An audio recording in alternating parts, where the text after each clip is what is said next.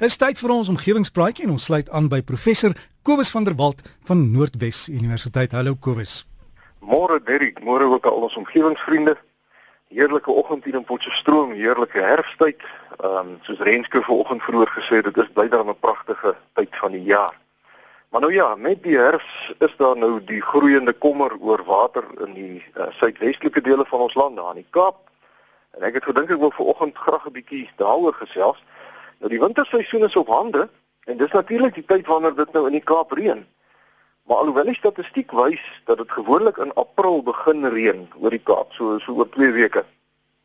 Is die eintlike reënmaande eers tussen Mei maand en Augustus maand.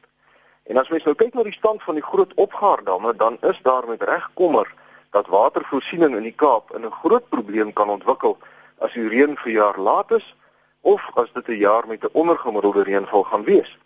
En baie van die stede en dorpe in daardie geweste het nou waterbeperkings in plek. En die versoek is om mense wat nou nie wil saamwerk nie aan te meld by die wetstoepassers. En daar is 'n telefoonnommer op Facebook. Uh, ons omgewingsvriende kan maar net soek na die Facebookblad met die naam Water Shedding Western Cape. Water Shedding Western Cape. Dan sal u nou die telefoonnommer kry waar mense wat nou nie wil hoor nie en steeds water gebruik asof daar niks fout is nie aangemeld kan word want mens kry mos nou maar ongelukkig altyd so 'n paar mense wat dink dat die reëls en die samelewingsreëlings geld nie vir hulle nie.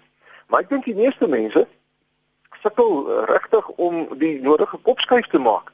Want ons het groot geword, uh, jy weet vroeër jare toe ek 'n kind was, was daar wel waterbeperkings van tyd tot tyd. Maar vir verreweg die meeste mense is water nou nie eintlik iets waaroor jy jou bekommer nie. As jy jou kraan oopdraai, dan kom daar genoeg skoon water uit. En dit het daartoe gelei dat die meeste mense eintlik heel onnadenkend met water omgaan. Ons bespaar water, ja, maar baie keer dan dink mense nie mooi nie. En die ironie is dat mense nou eers in droogte tye agterkom dat ons normale manier van water gebruik in tye as daar nou nie waterbeperkings is nie eintlik vreeslik oneffektief is. Ons mors regtig groot volumes water wat op sy beurt 'n groot toename in elektrisiteitsverbruik noodsaak want water moet gepomp en gesuiwer word. So hoe meer water jy gebruik, hoe meer elektrisiteit gebruik ons ook en hoe groter is die invloed dan op die omgewing.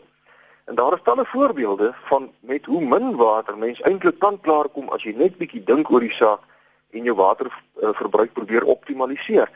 En een so 'n voorbeeld is 'n rykmans woonbuurt in die staat Atlanta in die VSA wat gemiddeld 1,7 miljoen liter water per maand gebruik het. Maar tydens die onlangse erge droogte het die hele woonbuurt toe nou saamgewerk en hulle waterverbruik geoptimaliseer sodat niks water gemors word nie. Met die gevolg dat daardie hele woonbuurt tans soveel water gebruik as wat een gemiddelde Amerikaanse huishouding van 4 mense normaalweg gebruik. En dit wys jou wat gedoen kan word as mens nou regtig wil. En ek wil vanoggend graag so 'n uh, paar wenke deurgee wat miskien baie logies klink, Uh maar ek dink die meeste mense in ons onnadenkendheid oor water dalk nie doen nie. So kom ons kyk ek het so vyf wenke. Eerstens moet mens mooi dink oor hoe jy jou skottelgoed was. Want as jy jou borde, eetgerei koppies en glase nou onder lopende water was, dan gebruik jy ongeveer 75 liter water vir 'n wasbak vol skottelgoed. En as en dis nou as die borde nie ruk gestaan het sodat die kos hard geword het nie. Nou die versoeking is nou altyd, jy weet, as dit net een of twee borde is, spoel dit sommer so met die lopende water af. En dit moet 'n mens glad nie doen nie. En veral nie as die kos eers hard geword het nie, want dan verdubbel jy maklik jou watergebruik. So as daar min skottelgoed is, moet mens dit verkieslik was direk nadat jy geëet het en tap dan maar 'n wasbak vol water en seep en gebruik dit uh, om die skottelgoed te was. En as daar nou meer skottelgoed is, dan moet 'n mens verkieslik 'n skottelgoed wasmasjien gebruik. Want moderne skottelgoed wasmasjiene gebruik slegs maar sowat 38 liter water vir 'n vol vrag skottelgoed. Die tweede wenk gaan is vir die mans. Dis die manier hoe ons ons motors was. Om jou motor tuis met seep en water te was, kan maklik 500 liter water gebruik, veral as jy 'n tuinslang gebruik om die motor mee af te spuit. En dit uh, dit dit uh, behels dat jy hom toedraai wanneer jy hom nou nie gebruik nie. 500 liter water om een motor te was. En 'n motorwassery gebruik daarenteen gemiddeld slegs omtrent 170 liter water per was. En baie wasserye het ook stelsels in plek wat die water hergebruik. So benewens die volume water wat gebruik word, is dit in baie eerste wêreld lande in elk geval onwettig om jou motor ehm um, sommer so uh jy weet voor jou motorhuis te was en die water dan in die straat te laat afloop omdat dit baie keer besoedelde water is. So 'n motorwassery is in geheel beter vir die omgewing as wat dit is om jou motor self by die huis te was. Derdens is swembaddens 'n groot probleem. Nou ek het al vroeër daaroor gepraat. 'n Gemiddelde swembad uh, in 'n woonhuis uh, se erf verloor maklik 3000 liter water per maand aan verdamping. En veral by ouer swembaddens kry mens gereeld nog lekkende pipe en selfs lekkende swembadvoerings wat die waterverlies nog verder vererger. So in droogtetye soos wat tans in die in die suidwestelike dele van ons land ondervind word, is dit dan nou eintlik noodsaaklik om swembadpompe af te skakel en die oppervlakte van 'n swembad met 'n seil te bedek om waterverliese te voorkom. En terwyl ons nou in die tuin is, is die vierde wenk dat mens liefs geen besproeiingsstelsel moet gebruik nie en dan veral nie sprinkelbesproeiing nie, selfs nie eers in die nag nie. 'n Sprinkelbesproeiingsstelsel vir 'n gemiddelde tuin gebruik om 'n maklike 1000 liter water per uur. En dit is iets wat in die huidige omstandighede eenvoudig nie bekostig kan word nie. En ek het al in die verlede ook gesels oor die feit dat daar eintlik slegs inheemse plante in tuine toegelaat moet word, want uitheemse gewasse gebruik ordes meer water as inheemse spesies om aan die lewe te bly. Die inheemse spesies is aangepas by ons droë land en dit verg dus minder water om jou tuin mooi te hou in droogtetye. En nou met die fynbos daar in die Kaap, hoekom wil mense nou uitheemse goed in jou tuin in elk geval plant?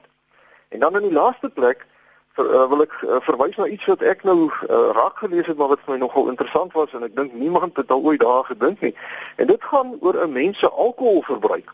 En veral nou in die Kaap met sy heerlike wynkultuur. Ehm um, dit kan dalk 'n baie groter rol speel as wat mense sou dink want as jy alkohol inneem, dan ontwater jou liggaam. Jy urineer meer gereeld en jou niere se funksie om water te absorbeer en te bespaar neem af. En as mens nou te veel alkohol inneem, is die volgende dag se babbelas die direkte gevolg van hierdie oormatige ontwatering. Maar ek praat nou nie van babbelas nie, ek praat nou net van 2, 3 glase wyn 'n aand, soos wat baie mense se gewoonte is. Nou die gevolg van uh, selfs matige alkoholinname is dat jy dors word en dan meer water moet drink as wat jy normaalweg sou gedrink het as jy geen alkohol gebruik nie. Nou mense kan dalk nou dink dat dit uh, die uh, toename in die waterverbruik as gevolg van alkoholgebruik maar net 'n klein druppeltjie in die emmer kan wees. Maar dink bietjie hoeveel liter bier en wyn elke dag in die hele Wes-Kaap gebruik word. En ek het nou nog nie die sommetjie gemaak nie, maar ek is redelik seker dat alkoholgebruik en dis nou matige alkoholgebruik wel lei tot 'n beduidende toename in 'n stad of 'n streek se waterverbruik. En daarmee is my tydjie vanoggend om. Ek hoop en bid saam met die res van ons land dat dit spoedig ook heerlik sal reën in die droë dele en totdat dit reën, moet almal maar, maar asseblief water spaar so wat hulle kan. Skryf gerus vir my by kobus.vanderwalt@nwu.ac.za of kyk maar net op omgewingspraatjies se Facebookblad vir meer besonderhede. En dan net gou voor ek afsluit Dirk, uh, dit was ook oor die nuus gewees. Vanaand is nou weer die aarde uur, 09:30 tot 10:30. Kom ons skakel almal ons ligte af en uh, geniet uh, mekaar se geselskap by 'n kerslig en lekker braaivleis en so aan. Ehm um, dat ons saam met die res van die wêreld daar is regtig miljarde mense wat hierdie inisiatief van die Wêreld Natuurlewe Vereniging ondersteun om bewusmaking oor ons omgewing aan te help. En daarmee sê ek vriendelike groete tot 'n volgende keer. Ek wou net 'n nota oor nie aarde Iris. Jy gaan nou eintlik baie krag spaar nie. Dis die idee wat wat saak maak. Laat ons dink aan waar kom hierdie goed vandaan, hè? Presies, Derek. Dit gaan maar oor oor 'n idee dat ons net 'n slag almal weer 'n bietjie stil sit en 'n bietjie dink jy weet ons aanvaar so soos nou met die water ook ons aanvaar so baie keer goed van van selfsprekend maar dit is glad nie so van selfsprekend dat daar altyd elektrisiteit gaan wees of vars lug gaan wees of water om te drink nie. So kom ons werk saam en ons geniet die aand. Jy weet baie mense is mos altyd negatief oor so ding. Maar kom maak dit maak dit iets lekker jy weet die opsit kers wat moet, moet ek nou meer besonderhede gee? Ja kos ja So gesels ons met professor Kobus van der Walt en onthou die aarde uur. Ja as jy wil die opsit kers gebruik onthou is 09:30 tot 10:30 kuier net lekker saam. En jy kan ook op die Facebook bladsy gaan loer omgewingspraatjies die meervoud omgewingspraatjies